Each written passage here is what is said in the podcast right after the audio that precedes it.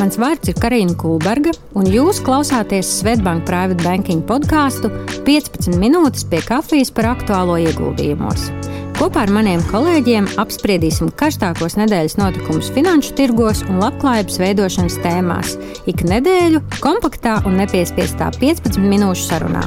Klausieties mūsu podkāstu Spotify Svetbank Private Banking kontā, spiediet follow un zvani ikonu, lai nepalaistu garām jaunākās sarunas. Lai labi skan un uz tikšanos!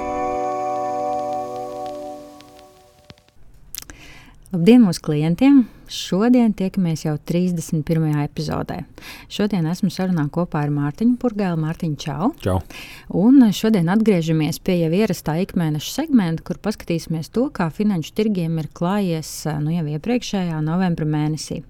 Arī atgādinu to, man liekas, ka vērts noklausīties arī mūsu iepriekšējās sarunas, un tieši 30. jubilejas sarunu, kur atzīmējam gan jubileju pašam podkāstam, 30. epizodi, gan arī private banking dzimšanas dienas nedēļu. Un katrā ziņā es pati joprojām diezgan daudz atgriežos pārdomās par sarunu ar Kasparu Pēcnieku, kur runājām par to, kā atšķiras Baltijas investori un kā katrs no viņiem skatās uz ieguldījumiem. Tā kā varbūt vērts noklausīties. Bet tomēr šodien atgriežamies pie ierastā segmenta, un kā jau ierasts, paskatīsimies, kā ir gājis galvenajiem tirgiem, galvenajiem indeksiem, pasaules lielajām ekonomikām.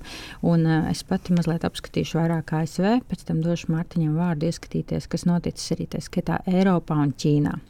Uh, bet, nu, sākot par ASV, ziņas uh, ļoti zaļas, labas un tā teikt apaļas tajā ziņā, ka novembrī S&P noslēdzās ar pieaugumu uh, 5,6% apmērā, uh, kas gada kopējo ienesīgumu izlīdzināja līdz mīnus 13% tehnoloģijās vairāk bāzētais Nasdaq arī novembrī bija zaļš un e, sasniedz pieaugumu 4,5% apmērā. Šeit gan joprojām kritums, e, pat šogad nu, visai iespaidīgs, mīnus 26%, bet kopumā šis iezīmējās kā otrais mēnesis pēc kārtas ar pozitīvu pieaugumu šajos indeksos, kas ir nu, tāds kaut kas e, nebijis kopš 21. gada, kad esam piedzīvojuši tieši, tiešām tādus amerikāņu kalniņus ik mēnesi. Nu, tad paskatoties, kas tad ir bijuši iemesli šādam labam pozitīvam uzrāvienam, jāsaka tā, ka tieši Jā, varēja vērot gandrīz tādu tā trilleru performanci, kad arī pēdējās pat novembra dienās ļoti lielu ietekmi atstāja uh, Federālo rezervju vadītāja Džeja Pauela uzruna, kurā viņš norādīja to, ka ņemot vērā dažādus pēdējos datus par ekonomiku, var tikt sagaidīts lēnāks temps procentu likmi pieaugumā. Tātad Pāvils norādīja to, ka dati gan par inflāciju, gan darba spēku pieprasījumu mazināšanos tirgu dodot cerību tam, ko viņš nosauca par softish landing, vai, vai tā nu, mēģinot tulkot tādu mīksto nosēšanos, kur viņš saredz, ka šis darba spēka tirgus pamazām nomierinās, ko mēs esam vairāk kārt atzīmējuši visās mūsu rezultātu epizodēs, runājot par to, ka šajā krīzē šis ir bijis tāds viens uh, izteikts nu, fenomens, ka darba tirgus ir bijis ļoti, ļoti spēcīgs joprojām. Un, nu, domājot to, ka izdosies iziet caur šo tādu saci, neieejot spēcīgā recesijā ar cerību.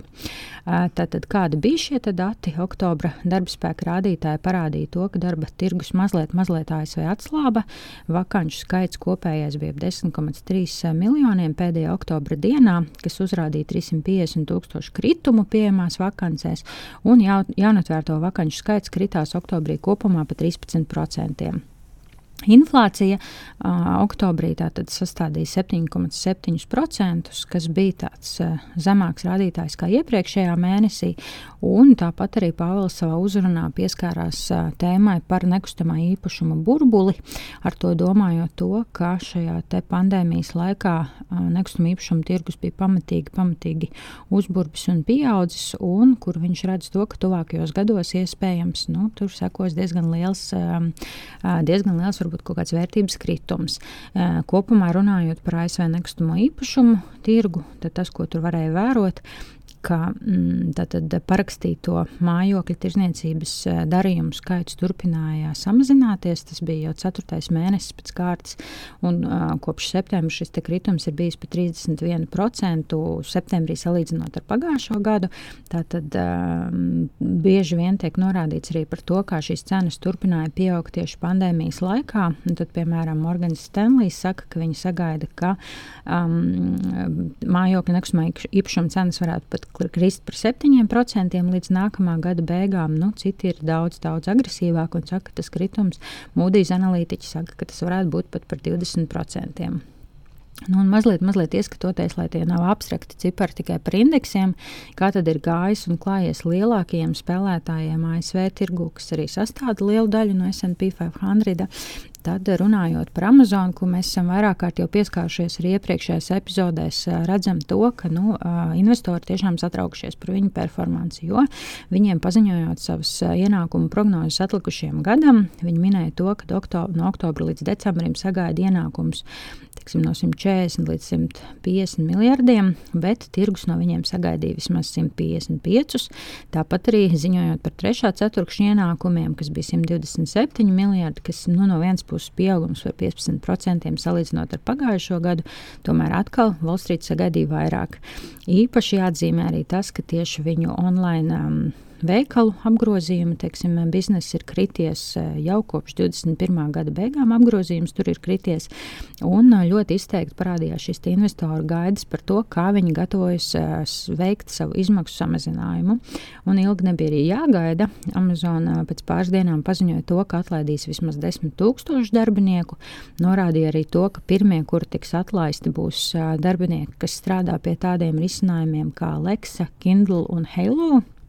Un šo produktu cilvēki tomēr eh, bija skaidrs, ka no to nav pietiekami, jo investori jau minēja uh, faktu, ka uh, tad, tieši pandēmijas laikā uh, darba skaits Amazonā dubultojās, un būtībā šiem desmit tūkstošiem būs pirmās atgādināšu arī to, ka tāds hiring freeze vai jaunus darbiniekus vietā jau kādu laiku Amazonas nepieņem, nu, un ir izveidojuši arī pašu savu tādu iekšēju darbinieku slēgu saraksti, kurā vairāk kā 20 tūkstoši darbinieku, kur viņi dalās ar savu pieredzi pieredzi, kurš tiek atlaists, kurš netiek, kā tam sagatavoties, ko labāk darīt. Pieminēšu arī to, ka šis gads kopumā no gada sākuma Amazon vērtībai, akciju vērtībai bijis nu, diezgan dramatisks, minus 43%. Vēl viens liels spēlētājs Apple. Par Apple gribu tikai pieminēt to, ka mēs esam tik daudz runājuši iepriekš par Twitter sāgu, par Elonu Masku. Tad nu pienāca laiks, kad arī Apple tika ievilkts šajā, te, šajā te sarakstā un, un, un, un tādā nelielā pārpratumā, ja tā varētu nosaukt, jo tirgu izskanēja baumas par to, ka Twitter aplikācija varētu tikt izņemta no App Store. Kāpēc? Jo pieaug, protams, bažas par Elonu Masku politiku attiecībā uz brīvās runas pieejamību un kādas, kāds saturs Twitterā varētu parādīties. Un, savukārt Apple noteikumi paredz, ka viņi ierīcēs izmantot var tikai tikai tās aplikācijas, nu, kur ir nodrošināta iespēja lietotājiem bloķēt aizskarošus lietotājus, ziņot par tādiem. Nu, tāpēc Apple, piemēram, izmet arī sociālo vietni Parler, kurā bija izplatījušies ļoti radikāli viedokļi. Bet pēc tā, kad nu, plus sākoties šīm bažām, Tesla un SpaceX vadītājs arī uh, publiski pauda bažas par vispār par Apple politiku, sakot to, ka veids, kā viņi kontrolē uh, gandrīz viena miljarda uh, šo savu ierīču īpašniekus un to, kādu saturu viņi varēs saņemt vai kādas aplikācijas viņi varēs downloadot, ir. Nu, ļoti uh, spēcīga, monopolistiska pieeja. Nu, tas nav pirmo reizi, kad šis te ir dzirdēts. To ir paudus arī uh, gan ASV kongresa dažādi pārstāvi, gan meta dibinātājs Marks Zukerbergs. Tomēr 1. decembrī Elons ziņoja, kā jau tas viņam ir ierasts uh, Twitter postā, sakot to, ka viņam ir bijusi ļoti laba saruna ar Apple vadītāju Timu Kuku, un viņi ir vienojušies, ka tas ir bijis tikai tāds ātrs pārpratums, uh, nu, ka tas nav jāņem vērā. Apple'am pašam šogad mīnus 18% akcijas vērtībā uh, samazinājums, bet nu, arī interesanti man likās tas, ka Apple pats plašākus komentārus nesniedza, nu, redzot to, mm, kā izvēršas šis cīņas un dueļi ja tie nonāk līdz Twitterim. Es domāju, ka visi no mums arī kaut kādā veidā visticamāk seko līdzi pēdējo nedēļu lielajam notikumam par FTX tirzniecības platformu un viņu īpašnieku Samu Bankmanu Fraidu. Man liekas, tas ir ārkārtīgi interesants case, kuram sekot līdzi, kur būtībā nu jau šī bankrotējusi uh, tirzniecības platforma uh, un pretēji juristu ieteikumiem, kas ir snieguši šim īpašniekam ieteikumu, uh, kamēr norit izmeklēšana publiski nedalīties savās domās, tomēr viņš to to dara. Līdz ar to arī nu, interesanti vērot, kas ir tie jautājumi, kas ir tas, kas viņam tiek pārmests. Viņš saka, ka kļūdas ir pieļāvis, tomēr nav veicis mērķiecīgu izzakšanu vai krāpšanu no klientu, un, un tas nav bijis vērts apzināti pret klientiem, bet tostarp arī atzīst, ka viņš nav ieviesis pietiekamas dažādas sistēmas savā uzņēmumā, kas pasargātu uh, klientus, un arī nav bijis gatavs tam, cik būtiski būs kriptotirgus vērtības samazinājuma ietekme uz uh, viņu biznesa profilu. Uh, šo keisu jau pašlaik izmeklē gan Bahamu, gan ASV prokuratūras un regulātori. Un atgādināšu arī to, ka tiek iecelts jau tiks iecelts viņiem šis restruktūrizācijas eksperts pārstāvis Džons Reis, kas strādā arī pie bēdīgi slavenās Enrona restruktūrizācijas. Un jau atverot šo FTX gadījumu, viņš ir teicis to, ka nu, tik kliedzošu piemēru par absolūtu korporatīvās pārvaldības trūkumu viņš īstenībā ir ļoti reti redzējis. Un atzīmē arī to, ka šie lēmumi par dažādiem pārskaitījumiem, izskaitījumiem no uzņēmuma tikuši veikti ļoti, ļoti nekontrolēti un bieži vien uz kaut kādas sarakstas bāzes atzīmēti ar dažādiem emoji figūriņām un ikoniņām. Tā kā nu, tiešām būs interesanti sekot līdzi, kā šis izvērtējums izvērtīsies. Un arī skaidrs, ka ir ASV intereses, eh, investoru intereses tiek šobrīd jau aizstāvētas. Es domāju, ka mēs sekosim līdz tam, kāda paziņojuma vēl eh, turpinās un sekos šajā lietā. Un gribu atzīmēt vēl divus tādus investorus, uz kuru darbu, darbību es paskatījos, kā viņiem ir klājies pēdējo mēnešu laikā. Un te man liekas, ka vērts piezīmēt to, ko no, novembrī ļoti aktīvi darīja Mums visiem zināmais Varens Buffets un viņa, viņa Berkshire Hathaway. Un tas, ko viņi ļoti aktīvi izveica, viņi sāka pārdot savas pozīcijas uzņēmumā BYD, BYD, kas ir Ķīnas lielākais elektroautomobīļu ražotājs un viens no lielākajiem Teslas konkurentiem. Un šis jau bija uh, piektā reize šogad, un, un, un trešā reize vismaz novembrī, kad, um, kad Varens Buffets pieņēma lēmumu iziet no savām pozīcijām. Uh, konkrētu iemeslu, kādēļ šobrīd iziet no šīm pozīcijām, viņi paši nav vismaz pašlaik vēl komentējuši. Tomēr jāsaka tā, ka šīs akcijas viņi jau nopirka 2008. gadā. Un, Tajā brīdī viņi tās nopirka tiešām par ļoti pazeminātu cenu finanšu krīzes laikā. Un, uh, jūnijā tad, tad šīs akcijas BYD šī gada jūnijā sasniedza savu rekordu apjomu vērtības izteiksmē, un tās bija vērts nu, vairāk kā 41 reizi. Tad, tad šī vērtība pārsniedz to, par kādām tās tika iegādātas šos gadus atpakaļ no Berkshire Hathaway puses. Uh, jāpiemina arī tas, ka uh, tieši šis uzņēmums BYD ir pārsniedzis Teslu uh, Ķīnā kā lielākais un labākais pārdevējs elektroautomobīļiem. Tā, piemēram, pagājušo mēnesi viņi pārdeva jau 103 tūkstošus uh, elektroautomobīļus salīdzinājumā ar Teslu, kas pārdeva 71 tūkstoti. Nu, arī atgādināšu to, ka pasaulē dārgākā akcija, šī Berkshire Hathaway klasa A akcija, šogad pieaugusi vērtībā par 5%. Tikmēr citās ziņās, vēl kā pēdējo vēlos padalīties, mēs iepriekš arī esam diezgan daudz runājuši par tādu um, citu in, in, investora profilu vai pieeju, un tā ir Ketija Vuda ar savu Ark Invest. Un tas, ko viņi ir pēdējās nedēļās un pēdējos mēnešos darījusi, ļoti pieturējusies pie savu uzskata, ka uh, kriptovalūtām ir nākotne un izmantojusi šo visu FTX, kā jau iepriekš minēju, sabrukumu tam, e, tam lai iegādātos un papildinātu savus pozīcijas pozīcijas jau iepriekš tajā, ko viņi iegādājās gan Coinbase, gan arī dažādos citos šajos ar kripto saistītajos uzņēmumos, kur, protams, kuru vērtības bija strauji, strauji kritušās FTX bankrota rezultātā. Viņa joprojām turpina uzskatīt, ka kripto kriptoaktīviem ir nākotne un uzskata, ka šobrīd tos var nopirkt gandrīz par 80% atlaidi no to patiesās vērtības. Nu, atgādināšu arī, ka joprojām uz šo brīdi viņas lielākajam ARK Innovation ETF-am šogad rezultāts ir mīnus 63%. Tā kā, nu, turpināsim sekot, vai viņas prognozes par to, mm, kā varētu izskatīties šis portfels nākamajos gados, uh, tad, izpildīsies. Bet tagad viss dod vārdu uh, Mārtiņam nu, nobeidz arī FTX.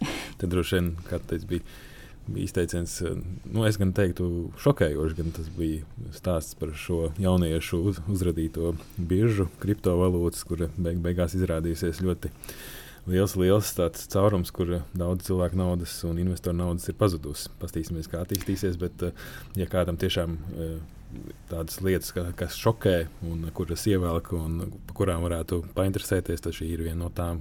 Pilnīgi viennozīmīgi. Un daudzi, protams, arī spekulē un brīnās par to, kā joprojām ir iespējams, ka šis pats īpašnieks vēl ir uz brīvām kājām, ņemot vērā tos apjomus un tos uh, pārmetumus, kas tiek izteikti viņam. Jā, nu, Jācer, protams, ka nav vairāk arī tādu brīnumu kaut kur saglabājušies, kuriem mēs nākotnē uzzināsim. Bet jā, turpinot mūsu sarunu par tirgiem, pa Eiropu esmu pastījies. Līdz šim vienmēr skatījāmies tādus individuālus, varbūt tirgus, kas ir uh, apvienotā karaliste, Vācija un tā tālāk, bet uh, ir, ir, uh, ir tāds brīnišķīgs indeks, kas ir Stoks Europe 600, kas tomēr arī nu, apkopo lielākās uh, Eiropas uh, uzņēmuma akcijas. 17 valstīs kopumā tiek pārstāvēts gan lielās kapitalizācijas, vidējās un mazās. Nu, jāsaka, ka gan mazās kapitalizācijas uzņēmumi šeit arī visticamāk, nu, tādā Latvijas kontekstā ir ļoti lieli. Mm, nu, Šis indeks no gada sākuma ir uh, kritis par 9%, pēdējā mēnesī ir kāpis arī gandrīz par 9%, par 8,6% ir kāpums. Uh, Latvijas uzņēmumu, diemžēl, šajā indeksā vēl nav. Jācer, ka nākotnē parādīsies, bet, uh, nu, protams, pozitīvi, kad ir Svetbanka un tas īpatsvars šajā indeksā Svetbanka ir kaut kur 0,25%. Kopumā tirgi nu, novembris ir bijis ļoti, ļoti labs, sevišķi pēdējās dienas, kad, eh, kā jau tika minēts, ASV procentu likmi tāds eh, nu, paaugstinājuma bremzēšanās eh, tendence ir vērojama.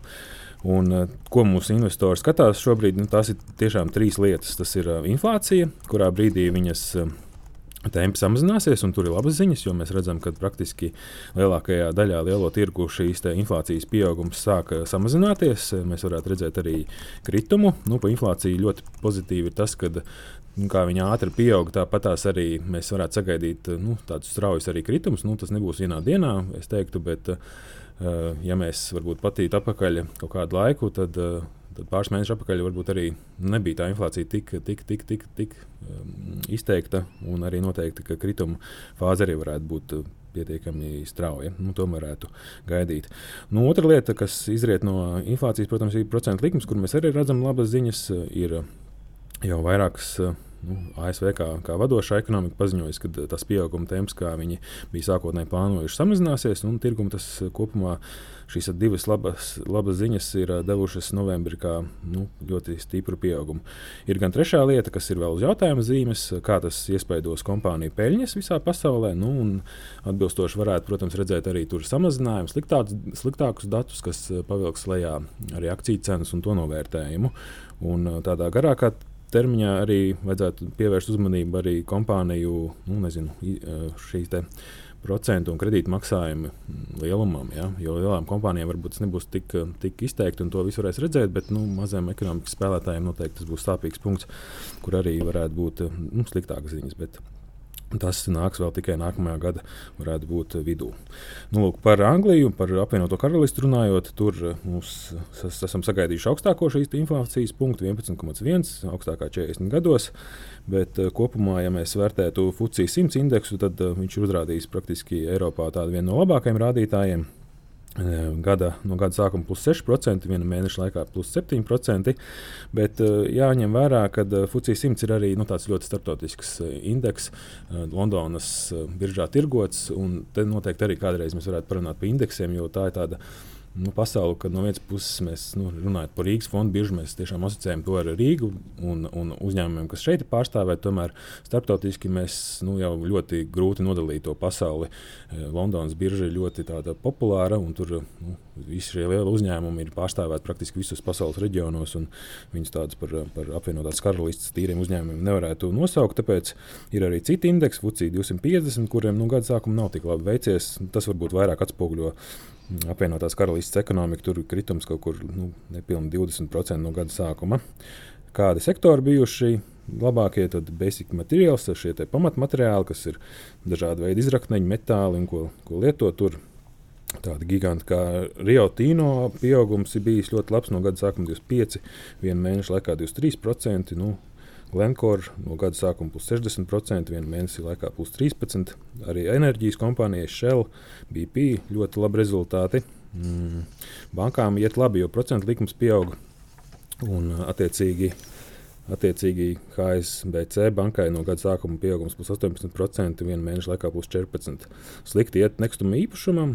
Nu, prognozējās, jā, tieši tās cenas, kas ir jau karina, ko tu pieminēji, kad pandēmijas laikā pieaugušās, viņiem būtu jākrītās. Arī, arī, arī šajā tirgū to saskata un, un paredz. Tāpēc nu, tādām kompānijām, kas pārstāvētas šajā nozarē, nav īsti ļoti labi rezultāti.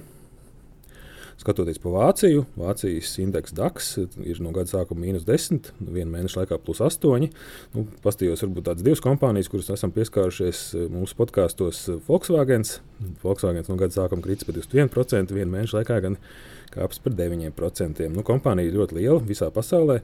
Viņam bija ļoti strauji kāpums eh, pēc pandēmijas, jo viņi paziņoja, ka ies, nu, spēcīgi tiks kā, un attīstīs savu elektroautorātu biznesu. Nu, šī gadījumā te arī var būt sliktas ziņas ienākušas, ka ASV rūpnīca, ko viņi gatavojās, tur tādus jautājumu zīmes šobrīd ir.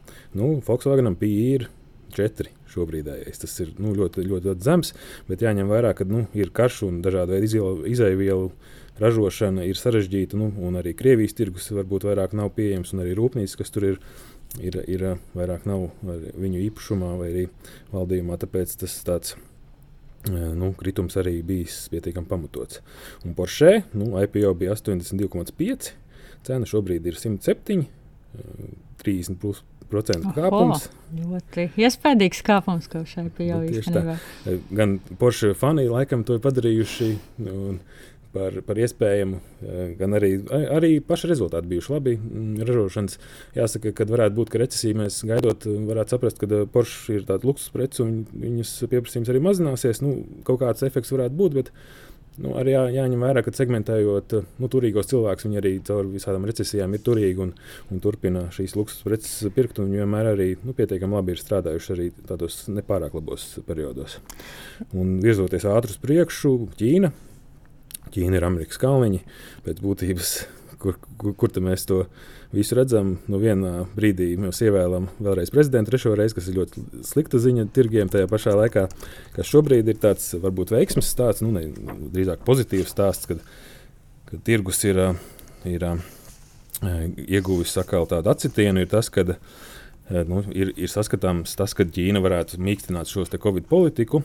Nu, tur gan nosacīti tas ir viena diena ir tāds tirgus to uztver, ka tas tā varētu notikties. Citu dienu atkal mm, ir neapmierinātība Ķīnas iedzīvotāju vidū, kad tas tāds bezprecedenta gadījums, kad viņi sāka streikot. Jo nu, tur bija arī tāds nepatīkams gadījums, ka ugunsgrēks izcēlās vienā no tādām slēgtajām pilsētām, kur nu, pēc tam iedzīvotāji pārmet to, ka tieši tas lockdown varētu būt pie iemeslu tādām lielām nelaimēm. Un, un, un tad mēs esam tādi starp tādu jautājumu zīmi, vai, vai samazinās šos ierobežojumus. Pagaidām ir tāds tā signāls, ka tas varētu notikties, un tirgum tas patīk. Un tajā pašā laikā uh, Protams, eh, nu, ir ik pa brīdim arī, arī, arī tas viss tas ekonomiskais faktors, kas bremzē nu, to attīstību un atbilstoši arī akciju, akciju cenas. Eh, ja mēs skatāmies pašus indeksus, tad no gada sākuma Hansenga indeks ir, ir kritis par 18%, bet eh, nu, viena mēneša laikā kāpis par 8%. Pats Šanhai kompozita ir kritis par 11% no gada sākuma, bet uh, kāpjas pa 8, nu, praktiski 9% vienu mēnešu laikā. Alibaba, kas ir pārstāvēts šajā, nu, pastījos, kas tur notiekās, protams, uh, nu, te arī, kur ir pozitīvais efekts, ir tiek saskatīts, ka kad, kad tie ierobežojumi, kas bija tehnoloģiju kompānijām, viņi varētu tomēr nepalielināties. Un tas arī ļoti pozitīvs šīm te tehnoloģiju kompānijām. Un, attiecīgi, Alibabas akcija nu, bija nokritusi ļoti, ļoti stipri. Tad no gada sākuma šobrīd ir kritums 27%. Mēneša ietvaros ir plus 30% pieaugums. Nu, lūk, kas tad vēl mums te bija? Nafta krīt, gāze arī turās pie 140. Uh, dolāra atzīmes. Līdz ar to tādi varbūt pamatlietas, par ko mēs ik brīdim šajos mūsu podkāstos parunājam, esam laikam nosaguši. Nu jā, un tagad ar prieku un interesi gaidīsim, kā, kā veiksies mums šī gada pēdējā mēnesī. Un tad jau varēsim pastāstīt par to, kāds gads izskaties kopumā. Paldies, ka šodien pieslēdzāties un jauku decembri. Vislabāk! Audio saturā dzirdētā informācija nav uzskatāms par ieguldījumu konsultāciju vai ieteikumu slēgt finanšu tirgus darījumus vai ieguldīt finanšu instrumentos. Paldies, ka noklausījāties mūsu sarunu šodien. Atgādinu, ka, lai nenokavētu jaunākās epizodes, spiediet follow un zvaniņu ikonu Spotify kontā Svetbank Private Banking. Lai laba diena un uz drīzu tikšanos!